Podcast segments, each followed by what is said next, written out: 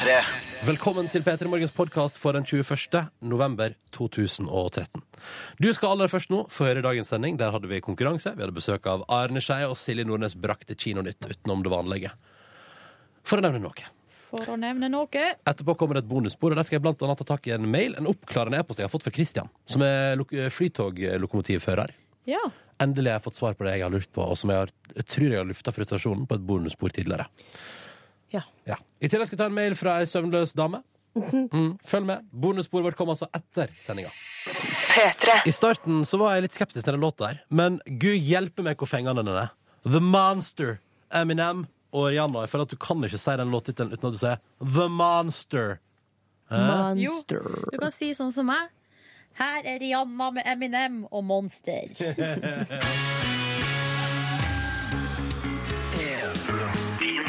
Det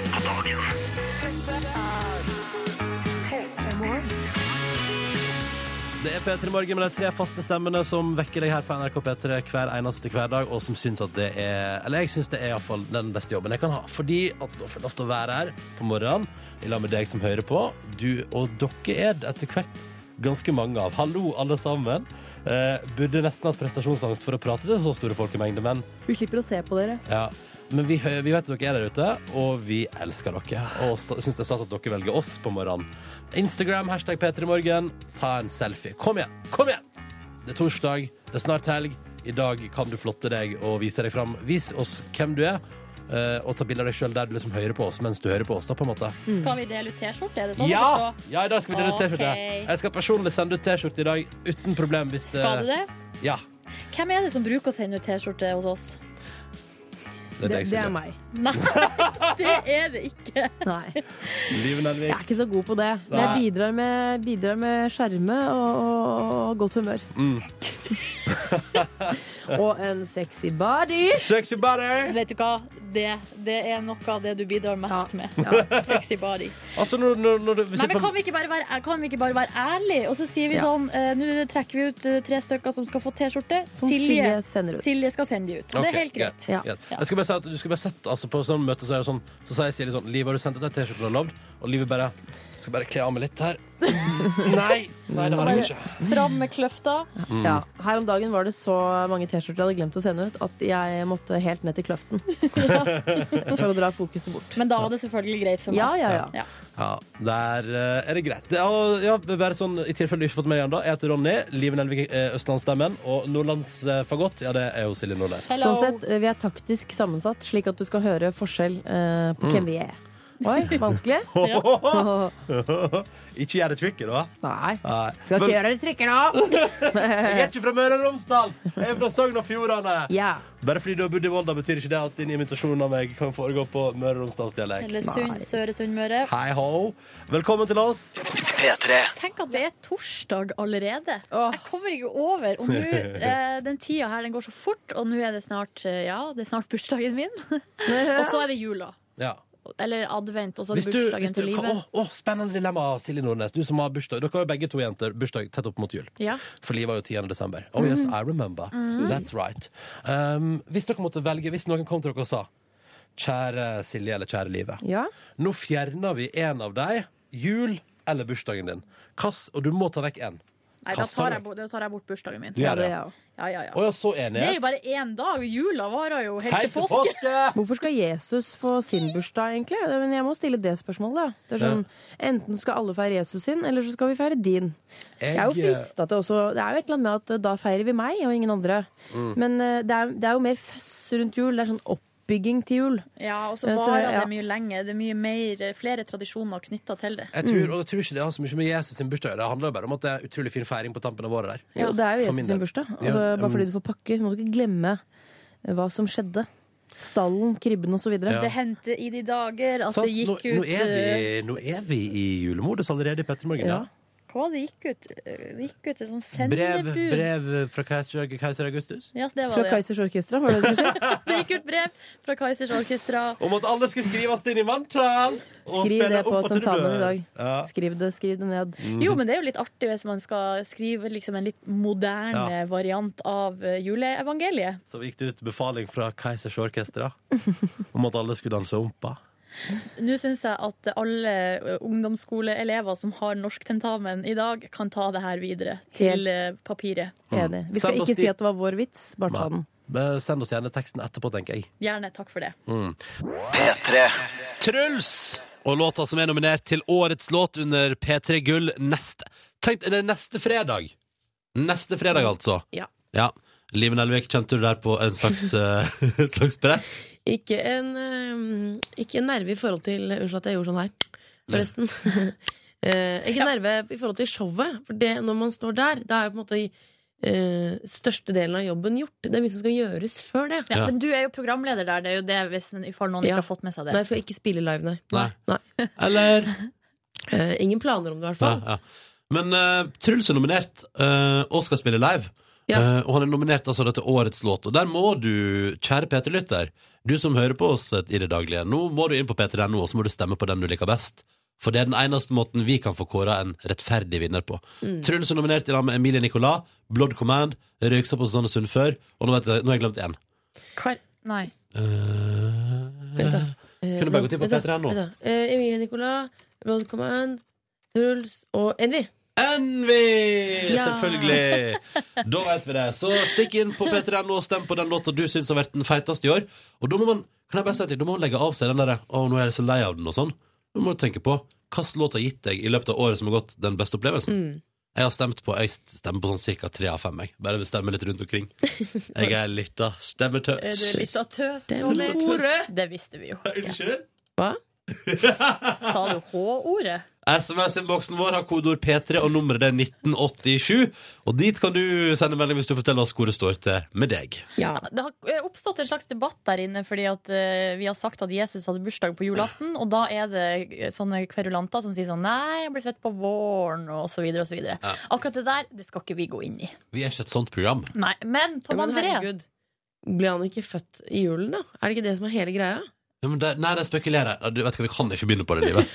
Vi, vi kan ikke. Herregud, Er det folk som skal spekulere og lage debatt? ja, Å, gud. Rykta går om at han ikke ble født 24. desember likevel. Okay. Ja. Det er jo veldig mange år siden. Det er jo ikke så lett. Jeg orker ikke. jeg. Gidder ikke. Det er ca. 2000 år siden og litt til nå blitt. Jeg går for at han ble født Jeg går for at han ble født rundt juletider. Hvis ikke så er det jo ikke vits å feire jul, tenker jeg. Jo det er en gammel tradisjon. Den Greia var at Vi feira egentlig jul før Jesus ble født, Bingo. og så bare la man bursdagen hans dit for at det passa så bra, for vi hadde allerede fest der. Ah, skjønner. Ja, Så du kan fortsette å feire jul med god samvittighet. ja Men vi tar den føler jeg her, meg litt lurt. vi må ta den her meldinga fra du ser sånn ut òg. Kom igjen, okay, Silje. ja, vi, Kom vi, begynner på, på nytt med noe annet. Tom André har sendt inn melding. God morgen, mine venner. Eh, mørkt når jeg reiser på jobb, og mørkt når jeg reiser hjem. Ja, kjenner meg igjen i det. Eh, han kommer med et forslag her som jeg syns er ganske bra. Kan vi ha sommer hele året? I, i, mm, Eh, eventuelt eh, vurdere å kjøpe en vingård i Italia og flytte dit. Bedre det Snakkes! Bedre det. Og jeg har lyst på vingård i Italia. Ja. Men du vet at det betyr ikke at man drikker vin. Da Hæ? produserer man den. Ja, du, du mener at det er hard jobb? Jeg tror ikke det er så hardt, kanskje. Jeg tror, at Jeg du må, tror- jeg tror du må stå i en stand og trakke litt bær innimellom, og så Ja. kan du chille resten av tida. Men Det- mi, med min, Gamle dager heter det. Nå må du bare sørge for Solen gjør mesteparten av jobben. Det er den som Ja. modner bærene. Eller druene, da. Eh, og så, ja, hva annet gjør man egentlig? man- legger de på tønner, kjeler med de. bekymra seg over at det skal bli dårlig høst, og, altså høstingsforhold Ja, okay. og dårlig vær. Men eh, mitt inntrykk er at de som har vingårder i Italia, har arva dem. Ja. Og så det er ikke mulig. Det finnes som mulig. Ja, det går an å kjøpe, men det er jo dyrt, da. Har ikke Sigurd Wongrav en egen gård nedi der, da? Jo, nei, han har, nei, det er ikke hans gård. Nei, nettopp. Han bare lager vin der. Men hvis vi spleiser, da, oss tre og Tom André, Ja. da skal vi jo få råd til et eller annet, liksom. Du har fått råd til noe i Italia. Og hvis flere blir med, så blir det enda billigere. Kanskje vi kjøper en P3 Morgen-vingård? Og så kan alle som, har, alle som hører på P3 Morgen, som har bidratt med cash, kan bo der når de vil. Ja, da kan du organisere det, Ronny. Ja, det kan jeg. Ja. Og så tror jeg det blir kjempefint. Det har vært, det har vært så koselig. Ah, P3 til 1987 hvis du vil si hallo. Her er Jonny Onkel P og Fjern. P3. Gjennombråtshitten til Coldplay, dette er Trouble i P3 Morgen. Og da må jeg bare si at uh, det, det her er jo det som er litt gøy med å jobbe i radio og TV og sånn. For da den her kom ut, så var Coldplay ukjent band, og så var det sånn ah, Skal vi se om vi får kommet oss inn på et TV-program eller to i Norge, og så var det sånn alle de store bare Nei, Coldplay har jeg aldri hørt om, gidder ikke vi. Så jeg måtte takke med sånn ettermiddagsprogram på NRK1 med Thomas Numme. Så satt Thomas Numme der på sånn ungdomsprogram, sånn God elg-aktig på ettermiddagen. Racer eller noe? Ja, et eller annet sånt på ettermiddagen på fredagen. Sånn i firetida kom Coldplay da og spilte på et sånn bitte liten miniscene. Og så to måneder senere så var de det største bandet i Europa, liksom. Fordi de var med på ettermiddagen? nei, nei det, det var fordi de gjorde det bra i England. Avisene, sier du? Nye forsider, let's go! Kan jeg begynne med en litt artig sak? Ja! OK. Forsiden av Aftenposten så er det, har de gjort en test. Det står 'Vi mistet disse', i anførselstegn. På mistet. Hvor mange tror du vi fikk tilbake? Norge er avhengig av tillit, står det, og den dagen nordmenn altså slutter å stole på hverandre, så kommer økonomien, økonomien vår til å gå på en alvorlig smell. Så har de altså mistet uh, i en tidsperiode, så gikk de rundt og med vilje, mistet lommebøker, Mm. uh, for å se om de blir levert tilbake. Altså Ja. sette nordmenns eh, tillit, uh, ærlighet, på en test. Kan jeg bare skyte inn? Så spennende. Hvor mange Det er mista gøy. de? De mistet eh, skal vi se, totalt 20 lommebøker. Mm. 12 ble innlevert med alle penger. Altså alt som var oppi eh, altså 12 100% ærlige tilbakeleveringer. Ja. Mm. Eh, fem ikke levert tilbake. Og tre innlevert med eller ut, altså med mindre penger eller uten penger. Aha. ja, OK. Er ikke Så- det litt flaut? Jo, det er litt flaut, men jeg syns jo fortsatt at altså, 15 av 20 pengebøker ble levert tilbake. Det syns jeg egentlig er ganske bra. Det syns jeg òg. Ja, jeg er helt enig. Ja. Og så er det sånne koselige bilder av de, som, eh, av de ærligste her, da. Har de fått kred, de som har levert tilbake? Det er fantastisk. Det er veldig koselig. Og så er det sånn bilde av han ene hvor de, de har altså sluppet lommeboken ned på bakken, så kommer det en fyr gående Ja. eh, og plukker den opp, og så ringer han, da, så vi får den tilbake. Da, det, da blir jeg rørt inni hjertet mitt. Sånn skal det være. Da trenger man ikke å være redd for å miste ting heller. Nei. Mm. Det syns jeg. Men dette var gøy. Det Og så kan det være sånn i fremtida nå, hvis du finner en pengebok, så kan du tenke at uh, kanskje jeg kommer i avisa hvis jeg leverer den her tilbake. ja, det Mm. egentlig burde jo alle som leverer tilbake ting de finner på gata, komme i avisa på generell basis. Enda bedre. Du kommer til himmelen, vet du, Silje. Ja. Mm. Det må man ikke glemme. Vi må ta en snakk eh, Vi må ta en snakk om en person som er på alle forsidene i dag. Det er jo selvfølgelig Magnus Carlsen. Mm. Eh, og det er, fokuset er vel nå litt på eh, Det virker som at vi på en måte har bestemt oss for at han skal vinne det her. Ja, vi får nå se, da. Men eh, vi elsker han nå. Vi gjør jo det, og det handler om hvor mye han skal tjene, og hvor stor merkevare han er, og hvor berømt han kommer til å bli hvis han blir eh, Oi! Hallo! hvis han Unnskyld meg. Hadde ei lita klokke stående. altså, hvis han blir verdensmester i sjakk, da blir han en enorm stjerne. Ja, men han er vel allerede en enorm stjerne, iallfall i landet her. Ja. Nei, men han er visst det. Altså, her står det i Dagbladet, så kaller de han sjakkens Bolt. Eh, og i forhold til, Mm. Yes. um, altså, i forhold til Tror du han skal begynne å gjøre sånn som Bolt og begynne å DJ-e på alle sånne fester? Bare ta over og så Det sånn. hadde jo vært litt Nusse med Rakel Nordtømme og andre hangarounds. Ja, Ja. ikke sant? Nei, det høres gøy ut. Nei, men det står her at i forhold til altså, hvor attraktiv han er for sponsorer, så er Magnus Carlsen den aller største merkevaren Norge noensinne har hatt innenfor eh, internasjonal idrett. Hva? Større enn Petter Northug? Noensinne. Ja, fordi eh, Sjakk er jo mye større. Og så står det her det er bare to andre som kan måle seg internasjonalt, og det er Susanne, Susanne Pettersen og Torstein Horgmo. Åh! Altså snowboardgutten fra Trøndelag. Kan jeg da si en ting? Ja. Da må vi i Norge begynne å bry oss litt mer om de folka. Fordi altså det er jo, altså tenk sånn, Torstein Horgmo er en gigakjendis. Mm. Men det, det tror ikke liksom, Norge gjorde tenk sånn, Torstein Horgmo er gigakjendis. Mm. Hva mener? Nei. Mm. Jeg er bare så glad, for nå drypper det bilder av Magnus Carlsen i bar overkropp. Og du liker det? Ja. Han ja. er 22 år! Ja, det er nå ikke verdens største aldersforskjell. Nei, åtte år? Det går bra. Nei, det er jo ingenting. Det er Jeg, ingenting. jeg trekker det tilbake. Når man har bikket, så jeg sier, når Magnus Carlsen da er tross alt 22 og ikke 14, så går Ikke det bra sant? i livet. Ikke sant? Um, kan jeg da bare avslutningsvis si sånn, eller stiller dere kontrollspørsmålet, jenter? Ja. Har dere vært en del av bølga som har vært på butikken og kjøpt dere sjakkbrett, dere da? Nei! Nei, ikke jeg heller. Jeg er for dum for sjakk. Jeg skjønner ikke sjakk. jeg. Skjønner det heller ikke. Jeg får heller ikke til. Så da er det ikke vits i. Seks minutter på sju. Dette var det viktigste fra avisforsiden i dag. Nå, The Preachers! Hæ? Åh, Ja da. Dette jeg anbefaler alle å gå inn og se på den videoen sexy. som ligger på YouTube. Sexy? Bare så kult, liksom. ja, okay. Kul. Mm. Cool. Litt sexy òg. Mm. Is this how you feel? På P3. P3. Is this how you feel? The Preachers på NRK P3 når klokka nå straks er to minutter på sju. Og vi i P3 Morgen, jeg som heter Ronny, Live Nelvik og Silje Nordnes, spør deg Har du lyst til å være med på konkurransen vår? Har du lyst til å være med på konkurransen vår? Har du lyst til å være med på konkurransen vår? Ja, da må du ringe oss nå. Nummeret det er 03512. Konkurransen er enkel. Vi tar et steg videre vi får hvert riktig svar. Men hvis noen svarer feil, så er konkurransen over. Det, hvis du lurer på noe sånn, ja, men hva må jeg gjøre som ringer inn, da? Du må svare på ett eneste spørsmål. Ett av tre. Så Litt, ja, det er jo litt sånn som i, eh, i livet, at det man gjør, det kan få konsekvenser for andre. Ja. I enten positiv eller negativ forstand. Og der ble det, Det brått litt uh... Ja, det er hardt. Dragene. Ja. Ja. Ja, Dette var fint.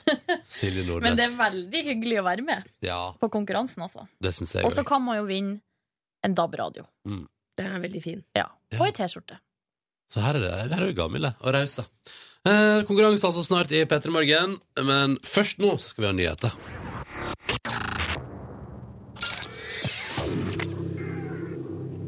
Her kan du vinne en digital radio Og en T-skjorte. og en T-skjorte. Men jeg mistenker at digitalradioen står høyest. Det kan hende, men den T-skjorta er veldig fin, da. Ja, det er jo ei P3 Morgen-skjorte, ganske så eksklusiv. Mm. Absolutt. Men de har litt forskjellig verdi. Altså pris. Mm. Ja da. Ja da. Vi har med oss to deltakere hver dag på telefonen som svarer riktig på ett spørsmål hver. Geir Ove, god morgen. God morgen. Du ringer oss fra Sotra. Yes, Du er 21 år gammel. Ikke? Er du 21 år, Geir Ove? Nei! Nei! Ronny, hva var det du sa? Han ble, han ble fornærma. Jeg trodde jeg trodde han var 21 år, jeg. Kanskje han Ja, ja. er 40, og så ble han fornærma og bare ploink! Ja. Ole, morgen. hei. Har du planer om å legge på telefonen? Nei, det har jeg ikke. Nei, så bra. Du, og du ringer fra Trondheim, tipper jeg? Det gjør jeg. Ja. Du er lokal og innfødt? Ja, Ja. nesten. Nesten. Hvor, hvor gammel er du, da? Jeg er nesten redd for å spørre, eh, i frykt for at du skal legge på. Uh, 33. 33. Ja. Dette gikk bra, det. Han la ikke på. Det gikk, det gikk fint. Ja. Eh, Hva driver du med i det daglige, da, Ole? Jeg selger øl for Esedal, se. Du selger øl, ja. Å, oh, lol. Du selger øl. Er det et drømmeyrke, sånn som jeg tror at det er? Det er jo det. Får du, litt får du noe øl sjøl, gratis? Nei, dessverre. Gjør du ikke? OK, ikke drømmeyrke lenger. Får du sterkt, får du sterkt rabattert øl? Selvfølgelig. Ja. Men jeg lurer på en ting, for til nå skal vi jo ha konkurranse, og da eh, lurer jeg på hva liksom hvilke, hvilke temaer er du er god på? Ja, det du lurer jeg på. Ja, ok. Ja, men det skal vi finne ut av i dag, tenker jeg. Mm. Geir Ove, er du med oss igjen? Ja, da er jeg her. Ja, Hva hva er det du driver på med? Nei, det, jeg vet ikke hva som skjer. Det er en god dekning, men ja, det høres ut som det har fin dekning. Er det, er det NetCom? eh, Nei. Jøss. Jøss. er du 21 år? Stemmer da. Hva driver du med i det daglige? Nei, jeg jobber hos tømrer, og så resten av Ja. lytterne deres. ja, det er mange tømrere. Ja, nå er jo din, din eh, medkonkurrent her, Ola, Ole, han er jo ølbrygger, så det er jo på en måte ikke tømrer. Å ja. ja, ja. Viktig med variasjon. Ja, det er viktig variasjon. Uh, Geir Ove, hold linja, ikke legg på. Velkommen skal du være. Straks skal du svare på et spørsmål, og det skal Ole også. Og så håper vi at vi kan få delt ut en digital radio og ei T-skjorte til begge to. Men først, her er Tiny Tempo og Labyrinth i et samarbeid på NRK P3. Låta til Earthquake. Klokka er sju over sju. Og straks altså, tre enkle spørsmål skal besvares for at vi skal få delt ut en digital radio. Vi har med oss Geir Ove på Sotra. Hallo. 21 år gammel. Tømrer. Hallo! Hei, hei. Du er klar. Ja. Ole er ølbrygger i Trondheim, 33 år. Hallo til deg. Hallo. Du er også klar. Jeg er klar. Sweet. Da kjører vi i gang. Ingen tid å miste her. Geir Ove, du skal få det første spørsmålet i konkurransen vår. Og nå er det sånn at Hvis du svarer feil, så er konkurransen over. Ole får ikke prøvd seg engang. Men svarer du riktig, så går vi videre til han. Er du klar? Jeg er klar. Du skal få høre et lydklipp. Og jeg bare sier det med en gang. Dette kan være litt grann vanskelig i dag. Så jeg har sagt det. Men det er altså da en komiker vi skal høre prate. En torsdagsaktuell komiker. Spiss øra, Geir Ove. Her kommer klippet. Vi spør enkelt og greit hvem er det som prater her. Jeg synes du mener at det her er blitt en løve eller en elefant hvis du putter i badevannet? Jeg tror at bestefar har blitt en liten sjiraff sjøl. Kjøpe alt han blir prakka på. Nå, nei. Det her det skal vi finne ut av med en gang. Hvem var det? Jeg tror det er Jon Brungot. Tror du det? Ja. Det er helt riktig. Hæ? Geir Ove, du klarte det? Ja. Ja. Ble du glad, Ble du glad nå? Ja, jeg ble litt letta. ja. Det, er, litt, det er under pressure der, kan du si. Nå har du gjort din bit av konkurransen. Nå kan du bare lene deg tilbake og høre hvordan resten, utfallet, resten, ja, resten går seg til, og hvordan utfallet blir. Sånn var det. Fordi eh, nå må Ole svare riktig på et spørsmål. Så nå er the pressure on you. Hello! Oi! OK, Ølbryggeren fra Trondheim skal svare. Er du klar? Ja. Hvem var president i USA Nei da. Fikk opp pulsen der, tenker jeg. Ja. Nei, spørsmålet er enkelt og greit. Ole, hvem spiller cupfinale på søndag? Oi, oi, oi. Det og Molde. Hva, Unnskyld, hva sa du? Rosenborg og Molde. Rosenborg og Molde. Hvem holder du med i så tilfelle? Kan true det. Det blir vel Molde, det, da? Det blir Molde, det, da. Svaret er riktig. Heia! Dette gikk jo kjempebra, karer. Geir Ove og Ole har svart riktig på ett spørsmål hver og er ferdig med sin bit av konkurransen. Men det betyr ikke at de får premie ennå. Fordi at for at de skal vinne premie, må de velge en av oss eh, til å svare på det siste spørsmålet, og det må besvares riktig. Så nå er dere såkalt choose wisely, karer. Geir Ove, hvem kunne du tenke deg at svarte på et spørsmål av meg, Live og Silje? Nei, livet pleier å gå hardt ut, da, så vi kan gå for henne. Livet går hardt ut. Gå for, hva sier du til det, Ole? Er det greit for deg, eller? Vi går for den. Vi går for den. Live Nelvik skal besvare det siste spørsmålet i konkurransen i dag. Sist gikk det skikkelig dårlig. Come on, brain. Come on, brain. Du, eh, Live Nelvik, hva heter hovedstaden i Sveits igjen? Bern. Hva heter hovedstaden i eh, Canada igjen? Ottawa. Mm.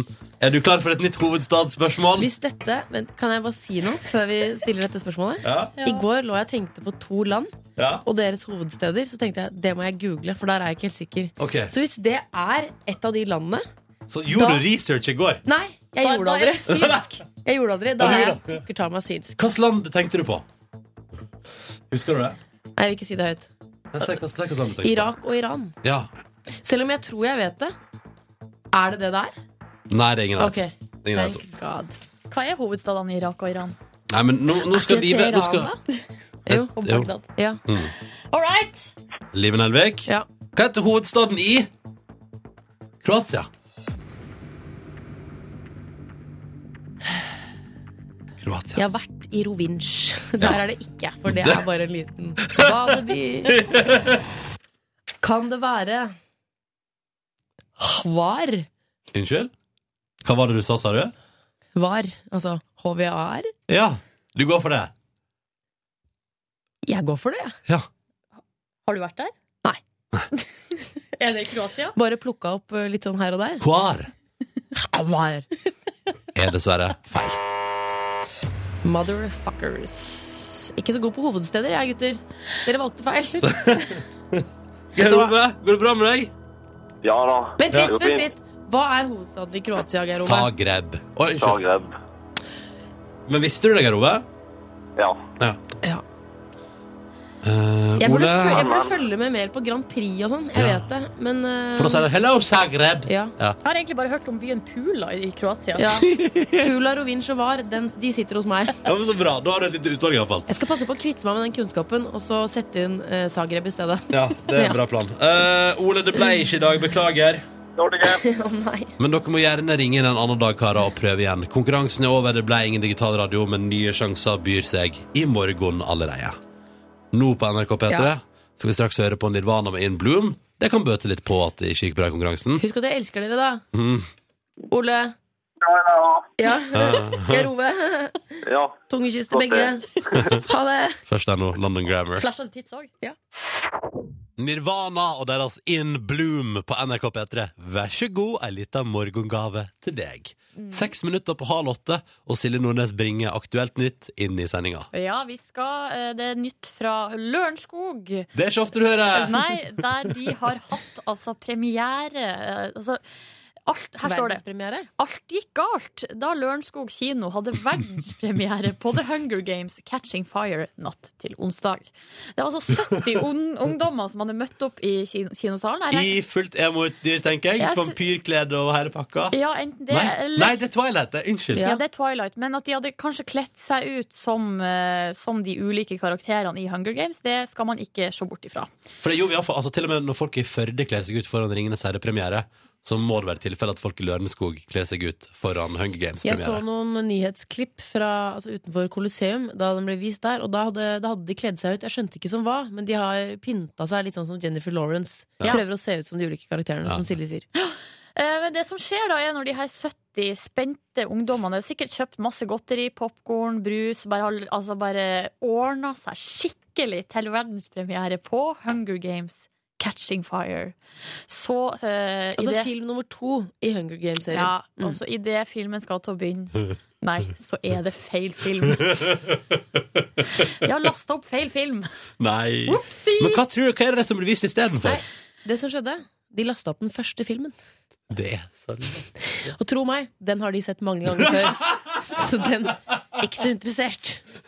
Hvordan, det må ha blitt mytteristemning i kino? kinoen. på- Altså, det må ha blitt utført hærverk. Her sier kinosjefen at, eh, at han syntes det var forferdelig leit og trist. Og, folk ble, og så skrev han om folk ble skuffa, så skjønner jeg det. Så det, det sier ikke noe om her om det har vært noen reaksjoner. Jeg ser for meg at det, eh, at det kanskje har vært sånn der eh, Litt sånn hyster, hysteritilstander. Ja. Litt rart at ikke kinosjefen har fått det med seg. Ja. Men eh, Steinar eh, Tveiten, som han heter, kinosjefen, Ja. Han, eh, han var til stede sjøl og merka det med en gang. Så han har tydeligvis sett eneren, han òg. Eh, og det som var så dumt, fordi for jeg hadde lasta opp eneren eh, tok, Det ville ta for lang tid å laste opp en ny film. Ja. Sånn, Last opp? Altså Laster dere ned kinoene fra Pirate Bay, eller hvordan, hvordan foregår det?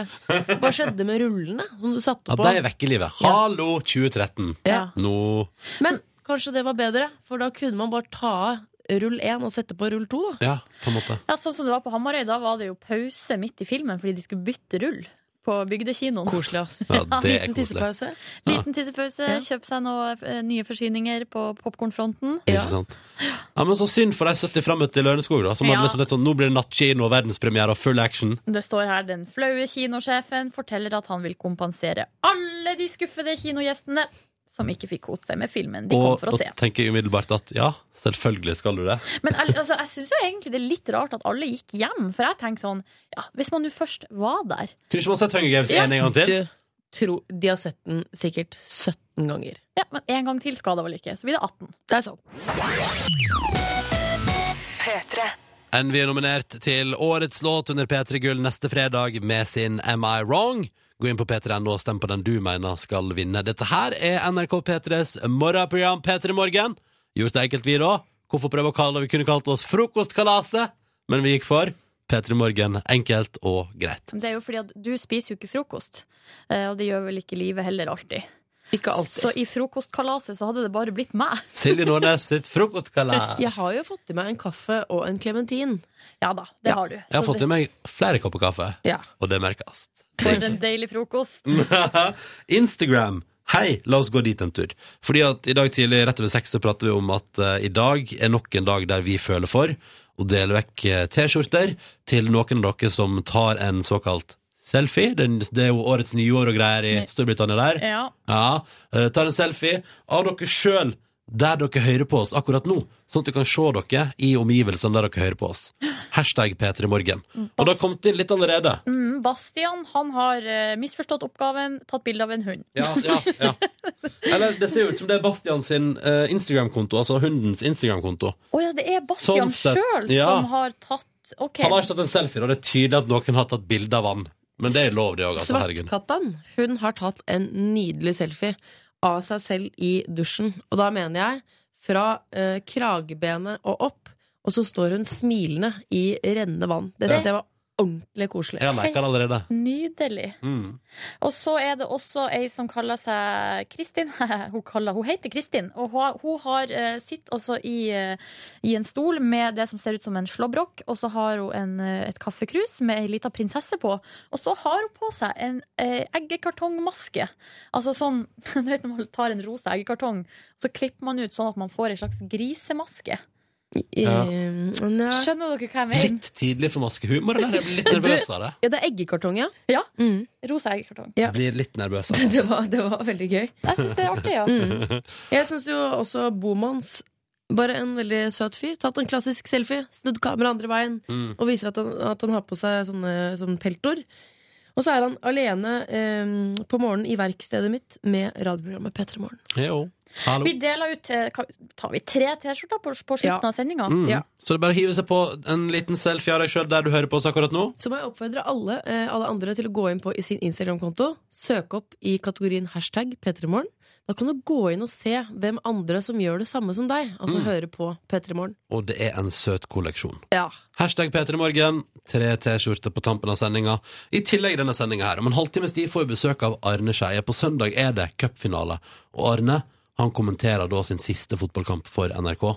Vi skal prate med han, vi skal oppsummere karrieren, og skal vi sjekke hvor godt han husker alt han har drevet med. Før den tid skal det straks bli Facebook og overvåkning. Ja, det er stikkordene når Silje Nordnes tar fatt. Det stemmer. Ja. Men først Niles Barkley når klokka er ti over halv åtte. P3. Niles Barkley Crazy på NRK P3 når klokka nærmer seg kvart på åtte. Og nå to spennende temas for tida. Facebook og overvåkning ved Silje Nordnes. Ja, fordi jeg har eh, lagt merke til en ting på uh, min Facebook-side. Jeg er der ganske mye, uh, men det her har jeg på en måte ikke Egentlig ikke, jeg har liksom ikke bitt meg merke i det, men det er altså den her chat-funksjonen som da ligger nå til høyre på, i vinduet når du er inne på Facebook. Ja, Facebook-chatten, ja. ja, ja, ja. Rett og slett Facebook-chatten. Um, der er det sånn nå at når jeg har Facebook oppe, så er jo den eh, Det er jo ei sånn eh, ja, Remse. remse på høyre sida der det står uh, masse venner. Litt usikker på uh, hos meg hvorfor det er akkurat de vennene som er der. ja, det er sant. Um, for at det, Du har vel adda de, da? Ja, men det er jo på en måte mine favoritter. Men jeg er Ja. litt usikker på hvorfor det er akkurat de her som har blitt mine favoritter. Jeg har ei ganske tilfeldig liste med favoritter sjøl, Jeg har jo blant annet en som heter Hans. Som er, han er en gutt fra Hamarøy som er, jeg vil anslå, kanskje tolv år gammel. Ja. Og så har jeg også vår P3-lytter Tom André her Ja. på mine favoritter. Just. Ja, men du og Tom André chatter kanskje en del, da? Det jeg kan nå fortelle dere om Tom André, er at han er på Facebook i dette øyeblikk, og han er på mobilen sin. Ja. Eh, For det kan jeg se her nå. Altså, ja, jeg, det, altså, jeg kan overvåke mine Facebook-favoritter. Dette har Silje altså hengt seg sånn opp i siste dagene. Og så står det Det står eh, om folk er på Facebook, Mm. om, om de er det på internett eller på en PC, eller om de er det på mobilen. Mm. Så står det også, hvis de ikke er på Facebook, så står det et grått eh, ikon, og så står det ved sida av hvor lenge det er siden de var aktive. Og det er det her du er nysgjerrig på. Ja, Det er det her jeg har bitt meg merke i, for jeg, vi er våken veldig tidlig. eh, og, um, og da er det ikke Jeg bare fnisa litt, for nå har Tom André skrevet til meg på chatten 'smask'. Så koselig. Takk for det, Tom André. Um, Tom André var faste lytter. ja. Mm. Uh, og her ser jeg Og det er ofte sånn når vi står opp, så er det ikke så mange som er påkobla. Ja, ja. uh, For da ligger de og sover. Men da kan jeg se når de har gått og lagt seg. Altså, for eksempel så er det min eh, bror, min lillebror Tarjei. Han kan jeg se nå at han var på Facebook for fire timer siden. Det er ikke bra. Er veldig... Når var det, da? kvart på fire. Ja! Men Hva drev det, da, da? det er jo spørsmålet. Eh, for han er jo da overvåket av Facebook, og da også deg. Ja. Ja. Kommer du til å sladre hjem? Si til mora di 'Mamma, Tarjei legger seg for seint'. Ja, nå er han 22 år, så jeg, Ja. hun har vel mista kontrollen litt der. Men han andre lillebroren min, han er 18, går på videregående, og jeg kan se nå at han var påkobla for fem timer siden. Altså kvart på tre. Odd Karsten, hva gjør du oppe fem på tre? Eh, kvart på tre natt til torsdag? For der kan du sladre hjem. Ja, der kan sladre hjem. Men syns ikke dere det her er skikkelig rart? Jeg vil ikke at andre folk skal se La oss si at jeg har en skikkelig dårlig natt og ligger våken og surfer på Facebook på natta, Ja. og så kan alle vennene mine se det. Jeg syns Men det er litt ekkelt. Da stiller jeg kontrollspørsmålet. Ja. Hva er du redd for at skal bli konsekvensen? Nei, altså det er ikke noe konsekvens. Det er bare det at man Konsekvensen er vel at vi begynner her, og så blir det verre og verre. Er det ikke det? At dette, ok, det begynner med Før visste man ingenting, og nå vet for eksempel Silje hva lillebroren Når han gikk og la seg, eh, at han var på Facebook til så og så langt på natta og sånn. Eh, og så, og så om ti år, da. Hva, hva vet du da? Ja, Og så blir det litt sånn som nå, så hvis jeg snakker med broren min og sier sånn Ja, har du sovet godt i natt? Så kan ikke han si Altså Han kan ikke tillate seg den lille hvite løgnen sånn ah, jeg er helt konge, la meg klokka 11, jeg har sovet godt. ja, sånn, ja. For at da vet jeg at det er løgn. Ja. Det er et godt poeng. Men, Ja. men jeg tenker sånn, fordi her hos meg, da, hva skal jeg med info om at det nå er 13 timer siden min kompis Leif sist var på Facebook? Utenom da å registrere at han ikke brukte Facebook i går kveld. Oh, han brukte ikke Facebook i går kveld, hva gjorde han på? Interessant. Nå begynner det å bli interessant! Det er vel mer de som legger igjen spor, da, som arbeidsgiver, for eksempel. Hvis jeg ser at uh, gjentagende ganger så er min ansatt er på Facebook til klokka fire på natta, og er på jobb, og så tenker jeg sånn Ja, det er litt sånn eh, Vil du da prestere like godt som du, som du burde? Ok, greit, dere cetera? har overbevist meg. Dette her er farlig, det er farlig. Vi må stoppe det nå. Nei, men det er farlig om, om flere år. For at, eh, Hvis man ikke legger merke til dette, så vi, vi, må, liksom, vi må være litt bevisst. Ja. For man har jo lest dette 10 000 ganger på dette sånn at man blir overvåket sånn, Mm. men man har aldri tenkt over det. Ja. Før altså lillebroren til eh, Silje begynte å legge seg altfor seint. Men jeg kan jo Kroppen bare- skal jo vokse. ikke sant? Han er jo bare ungdom. Han må sove mer. Mm. Men, det er eh, konsekvensen. Konsekvensen er at, eh, at han, blir, han blir liten. eh, Og ikke f altså fullt utvokst. Han Du- sover for lite. nesten 1,90 høy. Så jeg tror det går bra. Ok, Ja. Det er derfor han ikke sover. Eventuelt kan han jo, etter å ha hørt dette her, Silje, bare gå inn på Facebooken sin, og så Ja. bare turn off chat. Ja, det går an. Jeg vil anbefale alle, hvis man ikke vil bli overvåka, turn off chat. Mm. Jeg gjør det nå, jeg. Nå skal vi høre på musikk på NRK P3 mens alle turn off chat på Facebook fra gjengen som kommer på besøk til Kristine litt senere i dag. Du kan med andre ord høre deg live hos Danke klokka ett. Dette er Skambankt. Låta heter Voodoo. P3. Om ikke altfor lenge får vi besøk her i eh, P3 Morgen. Ja, vi får besøk av en mann som har dekket åtte vinter-OL, 40 hoppuker. Altså Nå kommer det en del tall. Ja, ja. Kommentert tippekampen 123 ganger. eh, Og langt over 100 landskamper med Norges herrelag, eh, altså herrelandslag i fotball. I tillegg så har han kommentert langrenn, skiskyting, svømming og bandy i løpet av uh, sine 42 år i NRK. Begynner å lukte hvem det er som kommer Ja. på besøk. Det Vi kan- lukter, Skal vi eh, gi et hint til i form av lyd? det lukter eh, denne stemmen. Ja. Keeper kommer ut.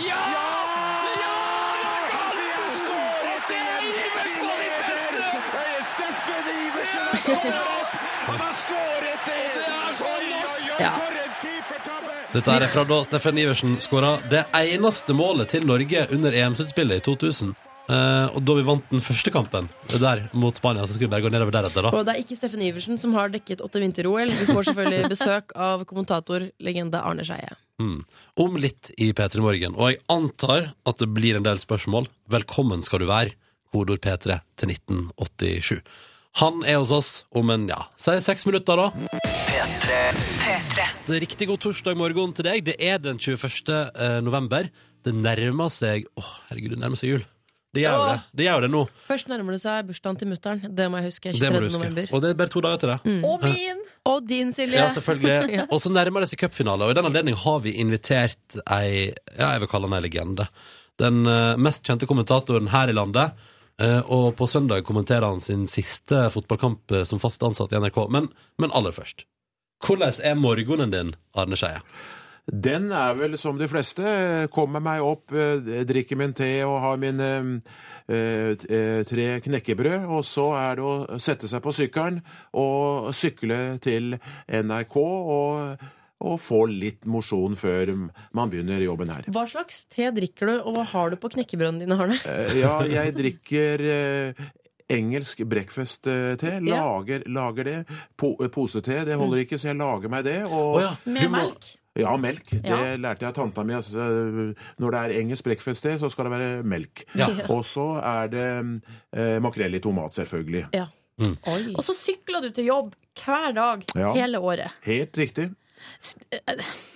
Du har jo, for du ramla jo på sykkel for ett år siden. Jeg gjorde det og tok litt lærdom av det. Den Ja. gangen kjørte jeg eh, med, som, med sommerdekk uten hjelm. Ja. Så da eh, kom det en forandring i Arne Skeies liv. Da ble det hjelm, og eh, nå er det piggdekk, og da kjører du helt trygt. Kjørte du uten hjelm, Arne? Ja. Hvilke, for en Det har jeg gjort i, i, siden arkeologisk tid, og det er selvfølgelig bare, bare tøv, men jeg gjorde det. Ja. Men nå er, nå er det hjem. hjem. Men det, da jeg kjørte av for et år siden, så var det ikke hodet merkelig nok det gikk utover, men det gikk utover skulderen og ribbein og alt mulig. Ja. Og først nå, etter et år, kan jeg ligge på høyre side. Oi, gratulerer. Men eh, Arne, du sier du, gjør, du sykler for å holde deg i form. Jeg har hørt rykte om at du er i skikkelig god form.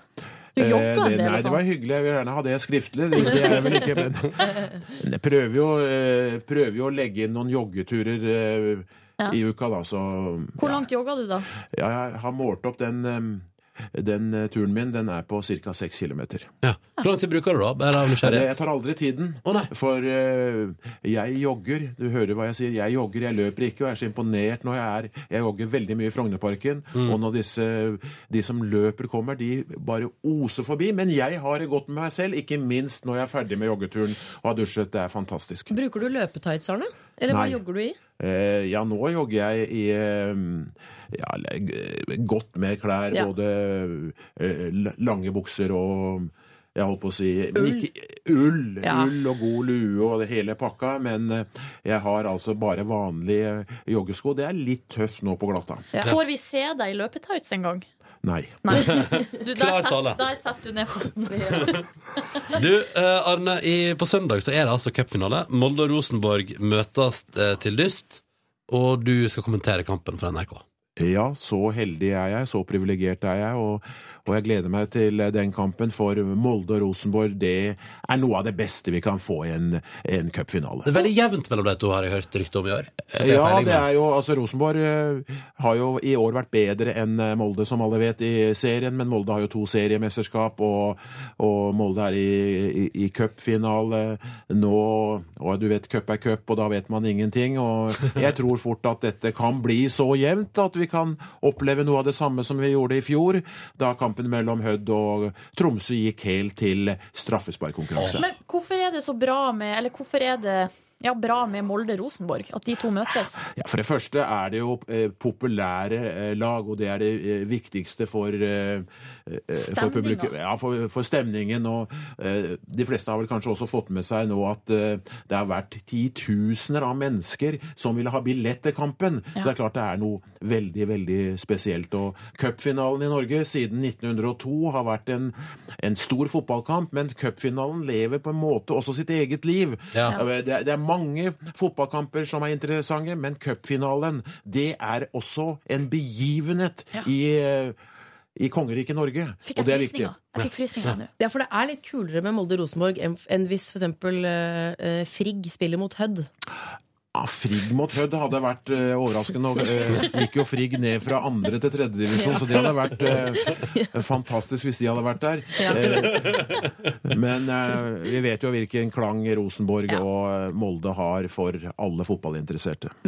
Arne, vi skal straks prate mer med deg om både cupfinale, og eh, vi må jo prate litt om alle disse kampene du har kommentert for NRK.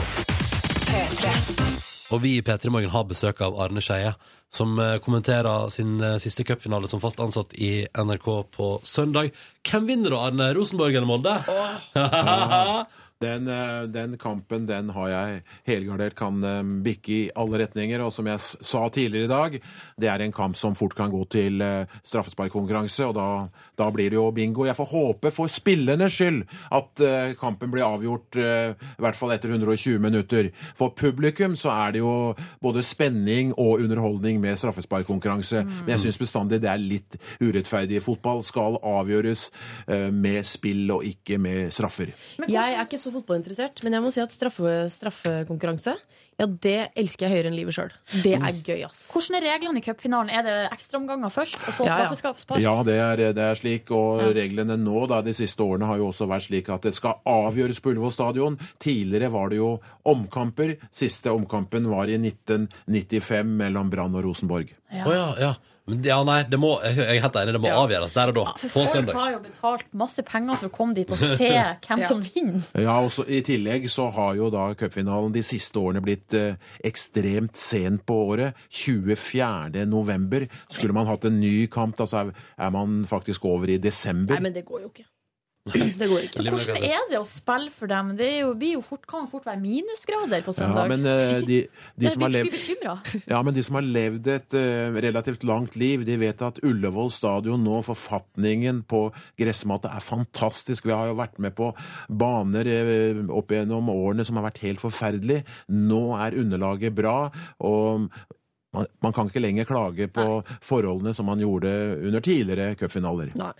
Eh, Arne, um, Erik skriver på SMS her at han uh, skriver at eh, sport på fjernsyn blir ikke det samme når du nå da etter hvert er, er er ferdig med å kommentere fotball i NRK. Um, Det er hyggelig å høre det, men jeg sier det. Kommentatorer kommer og går. Fotballen og NRK består. Ja, det er jo sant. Men når vi, hvis, vi skal bruke, vi skal bruke litt tid nå Arne, på å mimre, har du, har du et personlig høydepunkt? Ja, det ville vel være rart hvis jeg ikke trakk fram eh, Marseille 1998.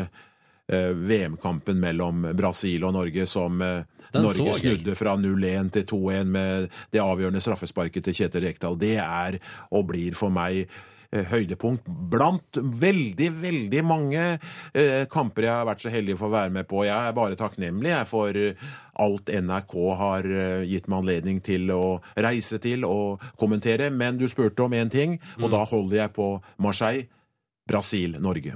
Du, etter alle de her årene, Arne, hvilken, hvilken idrettsutøver er det du på en måte For deg er den på en måte den du, du er mest eh, imponert over? Der må jeg jo si at eh, igjen har jeg vært veldig heldig å få kommentert heltene mine, kommentert de beste her i, i landet og i verden. Og eh, jeg bruker ordet takknemlig der òg, for det er så veldig mange fine typer. Som jeg har blitt, eh, blitt kjent med, og som jeg har vært sammen med. Så det er bare urettferdig hvis jeg skulle trekke fram ett, Ja. ett menneske, men Eh, sånn er det, og jeg har jo da kommentert eh, hoppere og fot, eh, fotballspillere, som jeg da senere har kommentert sammen med. Det er jo fantastiske typer som jeg har lært eh, mye av, som jeg har hatt det veldig trivelig sammen med. Nei, jeg vil ikke trekke fram én. Vi, vi har ikke plass til å ta de 200-300 som jeg gjerne skulle nevnt. Men har du, Arne, har du noen gang kommentert noe du ikke har vært komfortabel med? Vært satt til eh, kunstløp eller håndball? Nei, ja, det, det er jo sånn at uh, når man eh, får en oppgave, så er det i hvert fall for meg veldig viktig å være forberedt. Så hvis det har vært en sending, så tror jeg nok jeg har vært forberedt, men uh, hvor godt det har uh, blitt gjennomført, det vet jeg ikke. Men altså, sånn Men sagt på en annen måte, jeg har jo kommentert ganske mye direkte. Jeg kan si jeg er så imponert over eh, de i dag som har langrenn, for eksempel, skiskyting og sånn. Så hvis noen sa til meg nå at du må kommentere det til vinteren, da hadde jeg sagt nei. Det klarer jeg ikke. Det, det er en altfor stor utfordring. Ja. Da vet vi det. Vi tenkte vi skulle mimre litt i en slags quiz eh, snart. Arne. Vi har noen lydklipp, nemlig. Eh, av fotballkamper du har kommentert. Skal vi se om du klarer å kjenne igjen og huske hva det er vi spiller av. Og vi i P3 Morgen har besøk av Arne Skeie, som eh, kommenterer sin eh, siste cupfinale som fast ansatt i NRK på søndag. Hvem vinner da, Arne? Rosenborg eller Molde? Den, eh, den kampen den har jeg helgardert kan eh, bikke i alle retninger. Og som jeg sa tidligere i dag, det er en kamp som fort kan gå til eh, straffesparkkonkurranse. Og da, da blir det jo bingo. Jeg får håpe for spillernes skyld at kampen blir avgjort i hvert fall etter 120 minutter. For publikum så er det jo både spenning og underholdning med straffesparkkonkurranse. Men jeg syns bestandig det er litt urettferdig. Fotball skal avgjøres med spill og ikke med straffer. Jeg er ikke så fotballinteressert, men jeg må si at straffe, straffekonkurranse Ja, det elsker jeg høyere enn livet sjøl. Det er gøy, ass. Hvordan er reglene i cupfinalen? Er det ekstraomganger først, og så Ja, ja. Ja, det er, det er slik, og reglene nå da, de siste årene har jo også vært slik at det skal avgjøres på Ullevål stadion. Tidligere var det jo omkamper. Siste omkampen var i 1995 mellom Brann og Rosenborg. Å ja, ja. Men ja, nei, det må, jeg er helt enig, det må avgjøres der og da. Ja, for på folk søndag. har jo betalt masse penger for å komme dit og se hvem som vinner. Ja, også I tillegg så har jo da cupfinalen de siste årene blitt eh, ekstremt sent på året. 24. november. Skulle man hatt en ny kamp, da så er, er man faktisk over i desember. Nei, men det går jo ikke. Det går ikke. Hvordan er det å spille for dem? Det jo, jo fort, kan fort være minusgrader på Ja, søndag. men eh, de, de som har levd. Ja, men de som har levd et uh, relativt langt liv, de vet at Ullevål stadion nå, forfatningen på gressmatet, er fantastisk. Vi har jo vært med på baner uh, opp gjennom årene som har vært helt forferdelig. Nå er underlaget bra, og man, man kan ikke lenger klage på forholdene som man gjorde under tidligere cupfinaler. Nei. Eh, Arne, um, Erik skriver på SMS her at han uh, skriver at eh, sport på fjernsyn blir ikke det samme når du nå da etter hvert er, er er ferdig med å kommentere fotball i NRK. Um, Det er hyggelig å høre det, men jeg sier det. Kommentatorer kommer og går. Fotballen og NRK består. Ja, det er jo sant. Men vi, hvis, vi skal bruke, vi skal bruke litt tid nå Arne, på å mimre, har du, har du et personlig høydepunkt? Ja, det ville vel være rart hvis jeg ikke trakk fram eh, Marseille 1998. eh, VM-kampen mellom Brasil og Norge, som eh, Den Norge snudde fra 0-1 til 2-1 med det avgjørende straffesparket til Kjetil Rekdal. Det er og blir for meg eh, høydepunkt blant veldig, veldig mange eh, kamper jeg har vært så heldig for å være med på. Jeg er bare takknemlig jeg, for eh, alt NRK har eh, gitt meg anledning til å reise til og kommentere. Men du spurte om én ting, og da holder jeg på Marseille. Brasil, Norge. Du, etter alle de her årene, Arne, hvilken, hvilken idrettsutøver er det du på en måte For deg er den på en måte den du, du er mest eh, imponert over? Der må jeg jo si at eh, igjen har jeg vært veldig heldig å få kommentert heltene mine, kommentert de beste her i, i landet og i verden. Og eh, jeg bruker ordet takknemlig der òg, for det er så veldig mange fine typer. Som jeg har blitt, eh, blitt kjent med, og som jeg har vært sammen med. Så det er bare urettferdig hvis jeg skulle trekke fram ett, Ja. ett menneske, men sånn er det. Og jeg har jo da kommentert eh, hoppere og fot, eh, fotballspillere, som jeg da senere har kommentert sammen med. Det er jo fantastiske typer som jeg har lært eh, mye av, som jeg har hatt det veldig trivelig sammen med. Nei, jeg vil ikke trekke fram én. Vi, vi har ikke plass til å ta de to-tre-hundre som jeg gjerne skulle nevnt. Men har du, Arne, har du noen gang kommentert noe du ikke har vært komfortabel med? Vært satt til eh, kunstløp eller håndball? Nei, ja, det, det er jo sånn at uh, når man eh, får en oppgave, så er det i hvert fall for meg veldig viktig å være forberedt. Så hvis det har vært en sending, så tror jeg nok jeg har vært forberedt, men uh, hvor godt det har uh, blitt gjennomført, det vet jeg ikke. Men Nei, altså, sånn Men sagt på en annen måte, jeg har jo kommentert ganske mye direkte. Jeg kan si jeg er så imponert over eh, de i dag som har langrenn, for eksempel, skiskyting og sånn. Så hvis noen sa til meg nå at du må kommentere det til vinteren, da hadde jeg sagt nei. Det klarer jeg ikke. Det, det er en altfor stor utfordring. Ja. Da vet vi det. Vi tenkte vi skulle mimre litt i en slags quiz eh, snart. Arne. Vi har noen lydklipp, nemlig. Eh, av fotballkamper du har kommentert. Skal vi se om du klarer å kjenne igjen og huske hva det er vi spiller av. Dead Mouse og The Welt i P3 Morgen, seks minutter på halv ni. Og mens du har hørt på den, så har vi sittet Vi har, pratet, vi har delt fotballminner her eh, i P3 Morgen studio. For Arne Skeie er Ja. på besøk hos oss. Og det er det vi skal handle litt om nå, for vi har hentet noen klipp fra arkivet av eh, klipp av deg som kommenterer fotball. Eh, og så tenkte vi skulle bare teste deg om du husker de forskjellige situasjonene. Vi har allerede pratet om en av dem, og vi må bare høre på den først. Det er Norge-Brasil, det er 1998. Vi hører på klippet. Det er, for, det er kjørt for lengst. Og er det straffespark over? Ja! Er det straffespark, dere? Er det straffespark? Det er det! Er det straffespark? Skal vi komme videre på slutten? Det er spilt 42 minutter. Norge, så vidt jeg kan bedømme, har fått straffespark her. Det viktigste gjennom idrettshistorien, fotballhistorien. Unnskyld alt, men dette er helt utrolig hvis vi får straffespark av den amerikanske dommer. Og så fikk vi det.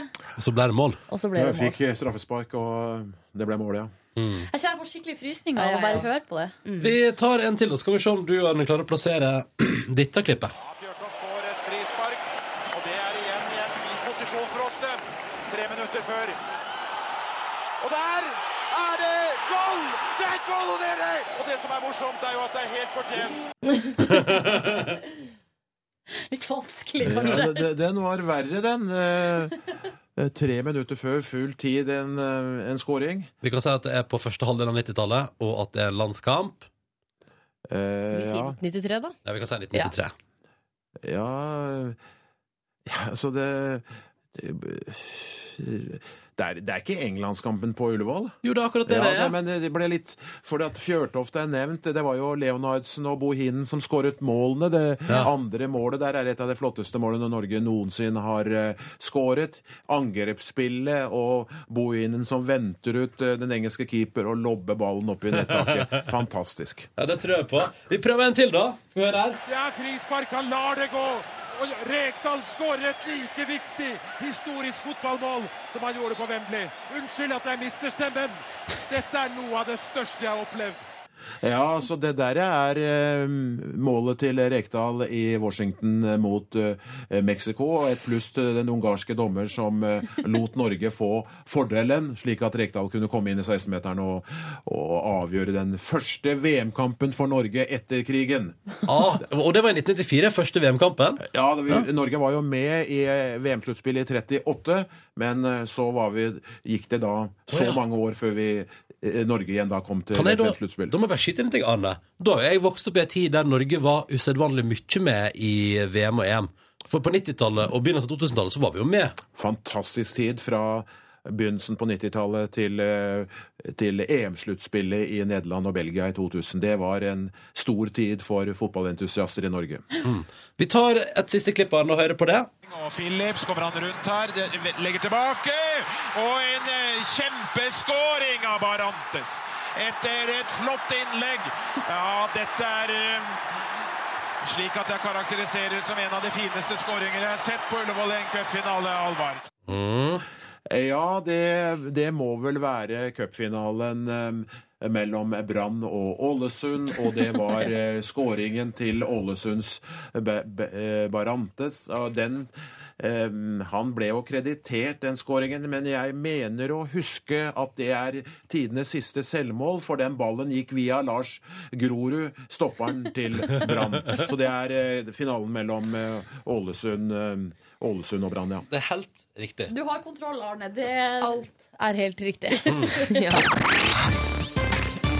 Du hører P3 Morgen. Jeg heter Ronny. Jeg er i lag med Live og Silje. Og Arne Skeie. Kommentatorlegende i NRK. Hei, Arne. Hei. Innboksen vår er altså full av rørende tekstmeldinger, Arne. Eh, altså, bøyer oss i støvet for deg, Arne. Du vil bli dypt savnet på skjermen. Eh, slike tekstmeldinger er det utrolig mange av.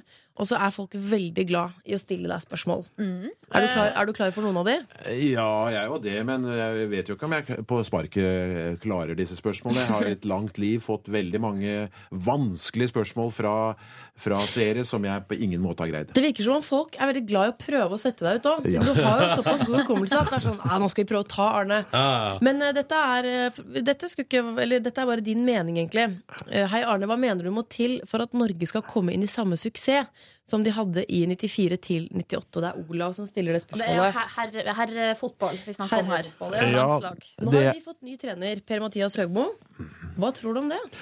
Jeg tror det er alle forutsetninger for at vi skal kunne eh, komme med til EM-sluttspillet i 2016. Eh, Per-Mathias Høgmo vet hva han eh, vil. Spillet har fungert eh, relativt bra i disse kampene, selv om jeg da nå eh, savner resultatene, men så sier jo Høgmo at det er eh, neste år det er viktig med resultater, så la oss håpe at eh, Høgmo, støtteapparatet og spillerne bringer oss til EM-sluttspillet i Frankrike i 2016. La oss håpe det, altså. Det hadde vært deilig. Og så lurer rørgutta Fredrik og Ole De lurer på De sier hvert først eh, Arne, du er kongen. men Det er jeg nok ikke, men Jo da, eh, men hvem synes du er verdens beste fotballspiller om dagen? Om eh, dagen, ja det er, eh, det er et godt eh, spørsmål. Jeg har jo da sånn over langsen, som det heter på godt norsk, sagt at det er Maradona foran Pelé og Zidane. I dag så er det er det vel kanskje tre stykker det står om. Det er Messi, det er Zlatan og det er Ronaldo. Ronaldo var jo utrolig i kampen for Portugal mot uh, Sverige. Så kanskje har jeg Ronaldo her, selv om jeg glemte det var en kanskje som vant. Det var en som ble ja, tildelt jeg vet, eh, vet hvem du tenker på. Ja. Jeg har altså ikke nevnt uh, franskmannen som spiller på Bayern München. Eh, eh, personlig, du spør meg, personlig så syns jeg han er etter de tre jeg nevnte. Er ikke Ronaldo litt sytete? Nei, jeg tror, jeg, tror bare et uh, bilde. Muligens kroppsspråket på uh, banen, men så dere da han kom til hotellet i, i Sverige? Nei. med- Nei. Hvor han gikk til hver side til fansen Ja. og skrev autografer. Ja. Han kunne jo bare gått forbi fansen. Man gikk til venstre, til høyre, stoppet og skrev eh, autografer, Ronaldo. Ja. Men hva syns du om at fotballspillere, de moderne fotballspillerne, i hvert fall mange av de, er veldig opptatt av liksom staffasje? Altså og- tatoveringer og hår og smykker og sånn? Hva syns du om den trenden der, egentlig? Altså, spør du meg, så um, har jeg vel mine oppfatninger, men husk på dette er verdensstjerner. Fotballen i dag er Ja, noe av det viktigste viktigste i alle land i verden. Og det, Diamanter i ørene og Hæ? Er tommel ned for den stilen der? no, noen liker mora, noen liker Det dattera. er sant. Ja, ikke sant? Den er grei. Vi skal gå til spørsmålsstafetten, Arne. Og i går var Carpe Diem på besøk hos oss. Der har stilt følgende spørsmål til deg. Jeg har lest i et intervju at eh, Arne Skeie er syns den beste fotballåta, altså den laglåta som er lagd, er den Bodø-Glimt for evig. Å, god låt! Og så tenkte jeg eh, det er mer interessant å høre hvilken låt fotballåt da, Arne Skeie syns er den dårligste, og hvorfor. Før du svarer på det, så må vi høre litt på Vi må høre litt på Bodø-Glimt. Vi må høre på Bodø-Glimt, for den er så fantastisk. Ja, sånn er Silje i gang.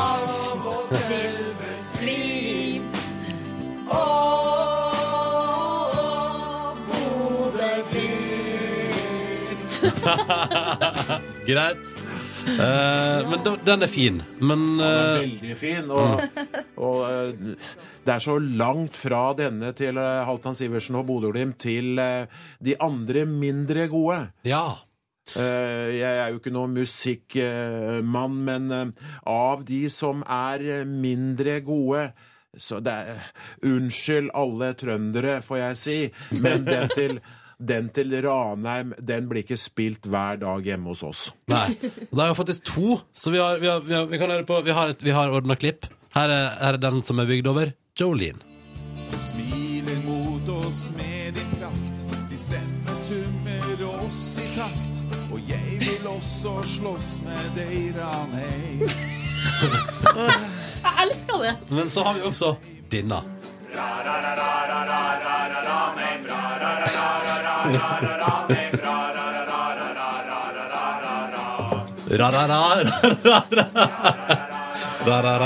Jeg tror Dolly Parton hadde av kasta på den første der. det var ikke så lett å, å bevege seg opp eh, på det nivået da, som Halvdan Sivertsen og Bodø-Glimt ligger på. Det må vi ha med, det, for den er jo i en særklasse. Ja, Det det er jo noe med å ta Mummidalens egen melodi, da, og bare legge på noe Ranheim oppå. Ra-ra-ra-ra-ra. Eh, Arne Skeie, du skal få lov til å stille et spørsmål videre til morgendagens gjest, Marte Stokstad. Hva vil du spørre henne om? Ja, jeg kunne spurt Marte Stokstad om eh, mye, men eh, alle er vel ikke klar over at hennes far er eh, Odd-supporter, veldig fotballinteressert. Eh, Martes bror eh, Morten er jo idrettsinteressert, spesielt er han interessert i fotball. Og da syns jeg vi må ha et, eh, et fotballspørsmål til Marte som er relatert til Odd. Og da blir spørsmålet som følger. Odd er den klubben i Norge som har flest mesterskap. Og det endelige spørsmålet blir da når tok Odd sitt eh, siste norske mesterskap i eh, fotball? Når ble altså Odd cupmester sist? Det skal lykke Marte Sakta få svare på i morgen. Det gleder vi oss til å høre. Arne Skeie, uh, lykke til på søndag med Molde-Rosenborg, cupfinalen 2013. Takk for det. Det er eh, de 22 ute på banen som har regien, og så får vi som er kommentatorer og som formidler dette, prøve å følge med så godt vi kan. Det er en god plan. Takk for at du kom på besøk til P3 Morgen. Mange takk for at jeg fikk eh, komme. Det var veldig hyggelig. Vi har i dag tidlig, fordi det gjør vi av og til, fordi vi syns det bare er altså så latterlig stas, invitert deg som vil, til å ta en selfie av deg sjøl, der du hører på P3 Morgen, så du ser hvor dere er i omgivelsene der dere hører på oss. Og hva var det du sa under låta, Livet? Sånn ektefølt fra bunnen av hjertet ditt? Jeg sa dere er, så, dere er så fine. Dere er en utrolig fresh gjeng. til tross for at dere er veldig trøtte, mange av dere, eh, så er det Nei, dere er, dere er så f- Eh, og jeg anbefaler alle å gå inn på Instagram, søke opp hashtag, og så hashtag P3morgen. Så kan dere se uh, altså brødrene og søstrene deres. Alle Altså, andre som er med oss på morgenen. ikke sant? Ah, det er altså så koselig. Og det er, altså for eksempel her så er det um, Ida. Hun driver med eksamenslesning, har delt bildet sitt i to. Bilder av bøker og seg selv som hører på. Mm. dere er på vei, veldig mange av dere, eh, til et sted og har sånne disse hvite høretelefonene plugget inn i øret. Mye hvite høretelefoner, ja. Og så er det Andrea her. Hun Ja. har tatt bilde av seg sjøl. Hun sitter hos tannlegen og har altså fått det her eh, Du vet det her det fine sånn sånne papirsmekken som du fester med sånn klype. Ja, ja, ja. Og hun er hos tannlegen da og hører på P3 Morgen samtidig. Mm. Veldig hyggelig. Hallo til alle som er hos tannlegen der ute. Rebekka hun eh, på en måte litt sånn dårlig norgesreklame, for at hun er så trøtt, og det viser hva mørketiden gjør med oss. Så det er litt sånn 'ikke flytt hit'-kampanje. Eh, For hun skriver 'eneste grunn til at jeg holder meg våken nå, er P3 Morgen'. OMG. Hun er veldig søt og veldig trøtt. Jeg velger meg vinner, og det er, bare, det er bare et godt bilde. Spekeball kaller han seg på Instagram. Står der med peltor-headphonesa. eh, og hva, hva, hva, hvordan vil du beskrive det? Han liksom, liksom vipper fram eh, eh, brillene der. Eh, Vippa de opp på, på På nesen. Han, Han, På nesen. han, han tar en litt sånn flørtende selfie av altså seg selv med peltor, vil jeg si. ja, og, så vil, og så skriver han òg T-skjortetid. Riktig, du skal få. Du skal få spekeball. T-skjorte til deg. Da gir jeg til hun Andrea, som eh, er hos eh, tannlegen. Som et lite plaster på såret. Jeg må gi til Svartakattan. Hun bjuder, bjuder på. Har tatt bilde av seg selv fra liksom det er, ikke noe, det er ikke noe nakenhet der.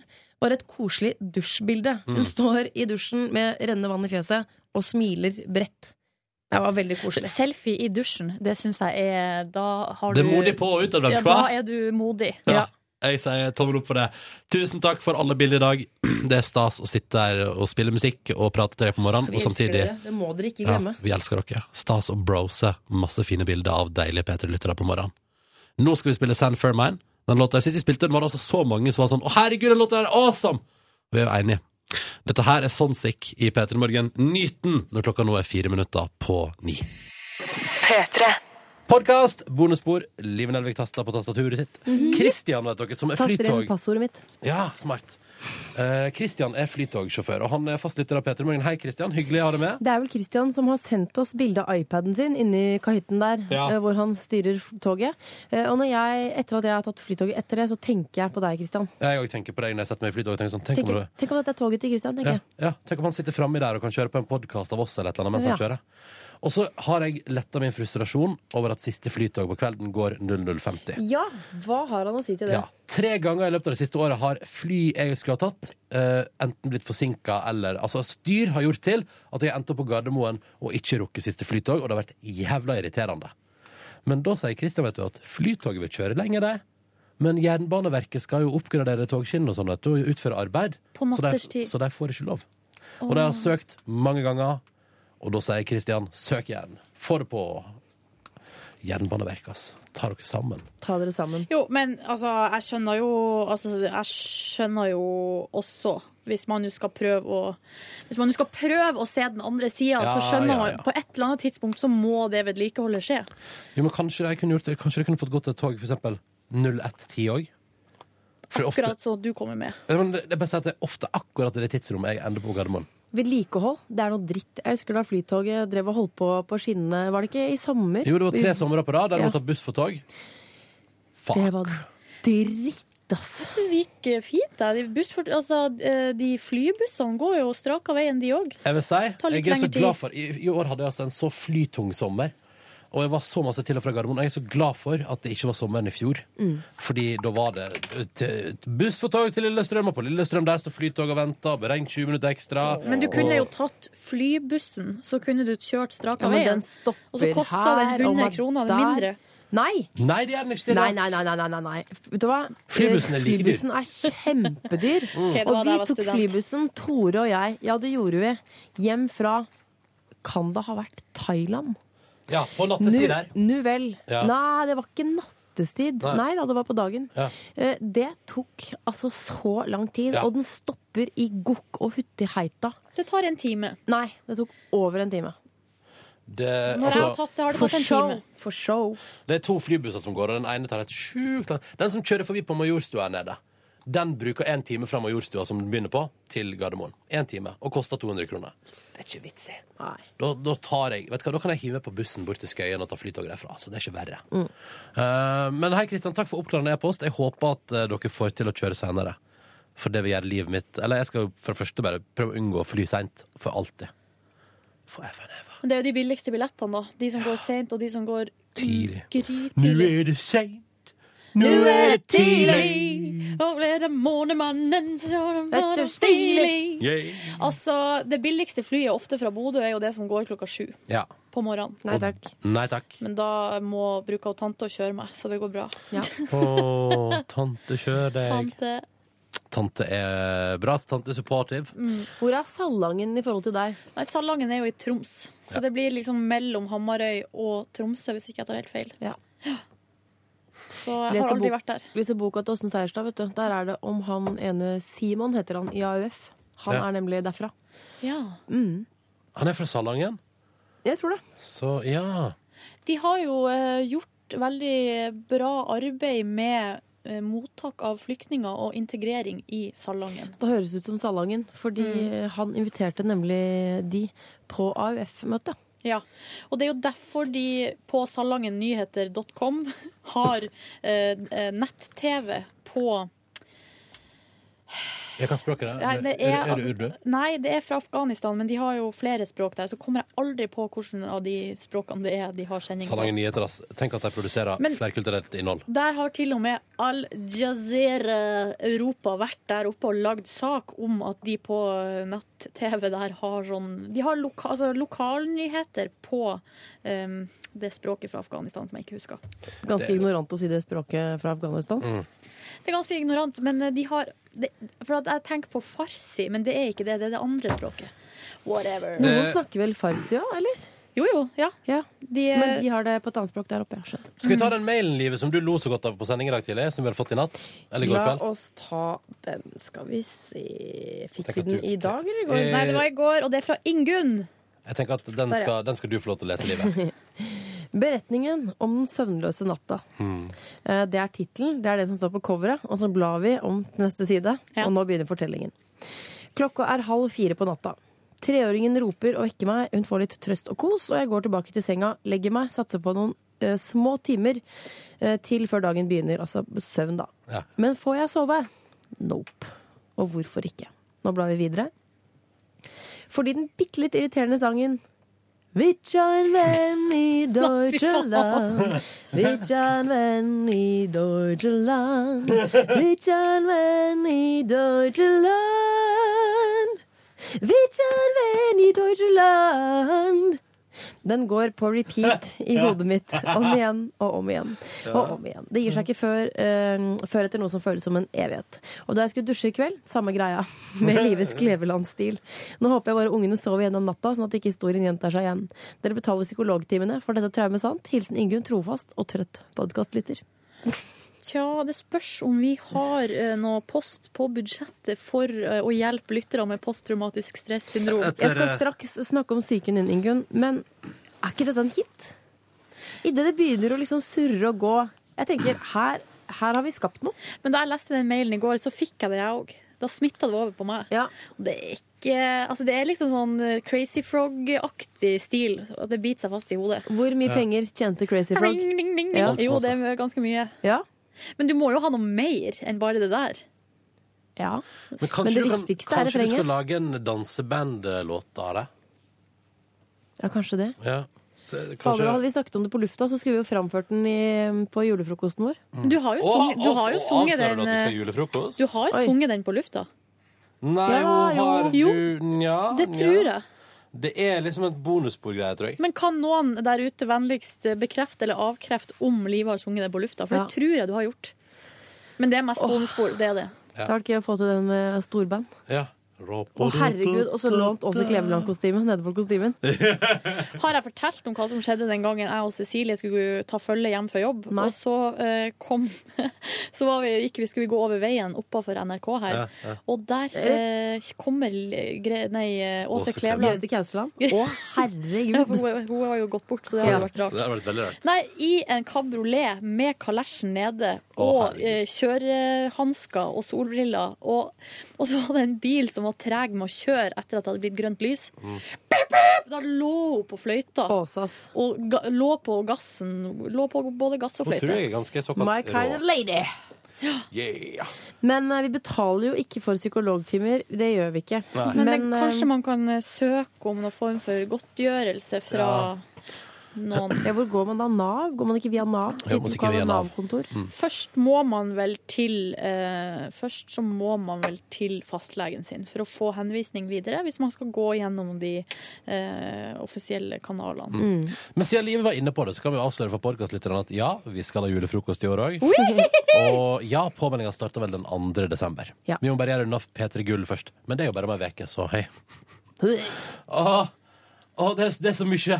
Jeg skal ta over leilighet neste fredag. jeg. Samme dag som P3 Gull. Bra plan. Å herregud, du skal Ja. ta, ta over leilighet og Du skal jo ha sending fra P3 Gull. Mm. Men når skal du ut av den leiligheten du bor i nå? 15. er planen, men de har ikke fått tak i det. ja, Jeg kan ikke begynne å prate om det. Um, Men du har 14 dager der med overlapping. Ja, jeg tror det. Ja, Men- og hvis jeg, hvis jeg er skikkelig heldig, så har jeg to måneder med overlapping, Silje. Så du må betale dobbelt? Ja.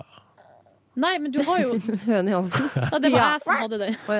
Men du har jo sagt opp for tre måneder siden. Ja, ja, men leiekontrakten min går i fire fulle måneder etter oppsigelse. Fire fulle måneder etter oppsigelse. Så, og jeg har sjekka, det stemmer. Så da er vi der, da. Dette kan vi, dette kan vi ta av bord. Dette trenger ikke podkastlytterne å høre på, Silje. Dere har et forslag til Ingunn. Og det er at Sett på Nei, bli Kom på julefrokosten! Kom på julefrokosten, og bli venn med Vi- Vitja en venn i Deutschland. Eh, for at jeg tror at idet du prøver å støte den fra deg, Mm. da blir det dobbelt så ille. Så det jeg ville gjort, jeg ville lukket øynene, og så ville jeg kombinert Vitja en venn i Deutschland, for den har du i hodet. Mm. Så går den sånn svakt inn i hodet ditt, og så kjører du Silje sitt triks, som jo er å se for seg skoleveien din i detalj. Ja, en slags med sånn eh, Der har vi det. vet du. Så, ja. Hva heter det? Meditasjonsøvelse. Som er å Du ser for deg en vei som du kan godt, gjerne skoleveien fra barndommen. Det kan jo også være hele veien til Tyskland, hvis Ja. du skulle Hvis du Hvis du kan hele veien til Deutschland, så gjerne for meg. Du kommer ikke til Deutschland. Du har sovna lenge før det. Ja. tipper du kommer Men da må du, da må du liksom ha, se for deg hele Kiel-ferga òg, på en måte. Å, jeg, jeg tar fly, jeg. Ja, ja, ok. Eh, Jeg tipper at eh, jeg er midtveis i sikkerhetskontrollen i den køen, og så må du se for deg alle som går, hvor sakte det går. ikke sant? Visualiser. Der tipper jeg du sovner. Tror dere Christian, når han skal visualisere en strekning for å få sove om natta, visualiserer flytogstrekninga? Ja, men han kan vel den uten at Ja, det går Jeg fint. kan jo nesten den uten Men det går så fort. Ruff, ruff, ruff, ruff. Er ikke det slitsomt? Ja, men Da tar det bare 20 minutter å sovne, da, fra Oslo S til Gardermoen. Ja, det er lenge. Kristian, når du eh, kjører mot Oslo neste gang, og, så kjø og det her gjelder, alle som tar flytoget Når du kjører ut, når du kommer eh, ut av tunnelen eh, Altså når man kommer til Vålerenga der, så er det to tunneler. Når du kommer ut av den andre, den korte tunnelen, så Ja. ser du opp til høyre. I den gule blokka, der bor jeg. Oi! Nå får Kristian vite hvor du bor. Det går vel bra, det? Ja, det er helt konge, det. Kanskje han kan tute neste gang. Kristian, jeg må bare fortelle hvis du hører på, eh, at jeg var jo på grillfest hos Silje Jo, men det har jo Kristian fortalt, at den der eh, drikkeleken der, den skulle han uh, ja, vi har vært innom det? Ja, ja, ja. ja. Jeg drakk hver gang toget kjørte forbi nede hos Silje, vet du. Blei veldig mye drikking, og alle blei sånn jævlig lei av at jeg skulle fortsette med det. Må du slutte, Ronny, det blir dritings. Ja, men Problemet er jo at det går jo flere spor der nede. Ja. Så det er både flytoget som går hvert tiende minutt, og Kjempegøy. eh, lokaltogene. Ja, ja, ja.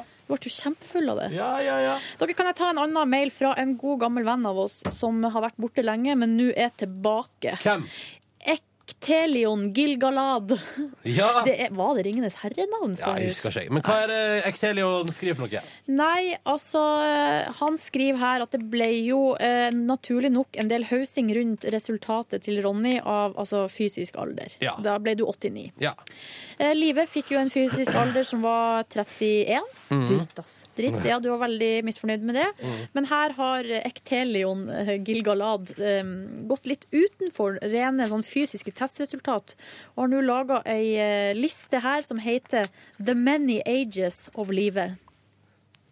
Og da står det Når hun får en edderkopp på armen, blir hun en fem år gammel jente. Når hun oljebryter, har hun en kropp som en 13-åring. Når hun gifter seg, ser hun ut som en ung kvinne på sitt vakreste. Når hun tar fysiologisk test, er hun i starten av 30-åra. Når hun kommenterer mat, musikk eller noe annet hun ikke liker, blir hun en bemidlet dame i 50-åra. Og til slutt, når hun ser på legobygging på P3s teambuilding, blir hun ei klok, gammel bestemor i ansiktet. Mangefasettert dame der, altså. Det er veldig sant, det. Likte Du har respekt du, Nelvik. Å, det var gøy. Ja, Ja. jeg likte den mailen. Hva, hvilken alder du føler deg mest hjemme i? Bryllupsalderen, tror jeg. Ja, men det er jo der du er. Ja. En vakker kvinne i sin beste alder. Nei, ikke best ifølge deg. Beste kvinnealderen er jo sånn 40 pluss, er det ikke Ja, hvis, 45 hvis hvis Silje kan bestemme. Ja, ja. Dere kan, vi kan jo kjapt dra gjennom de siste dagene. Og det største i mitt liv er jo at jeg har begynt på julehandelen. Ja, fy fader. Jeg har vært på stor Har ikke vi pratet om det? O-senter. Vi har pratet om det på lufta, Å ja! tror jeg. Hvis ikke jeg tar Jøss, helt nei, nå feil. går det i surr her, du. Ja, uansett så var jeg Gratulerer med å være i eh, gang. Jeg var på Oslo Kitty i går. Den humoren Den tilhører RR. Den går- er RR-humor, men det, vi er jo i samme kanal. Det Må jo være lov. Um, og kjøpte egentlig ikke julegaver, men jeg kjøpte sånne um, Ting til deg selv? Nei, gavelapper som jeg skal henge på. Var det det du fikk ut av ditt besøk på Oslo Kitty i går? Ja, og en kjole som jeg kjøpte på Hennes og Maurits. Gratulerer! Skal ha på meg på P3 Gull. Litt usikker på om jeg har kjøpt rett størrelse, fordi jeg kan gå en størrelse ned. Livet, nå må du følge med. Ja. Eh, Jeg kan gå en størrelse ned, og da blir den kanskje litt ekstra slim, liksom. Ja. Men, men også, da blir man på en måte mett litt mer sånn Kanskje eksponert slash Hvis man har en dårlig dag, ukomfortabel.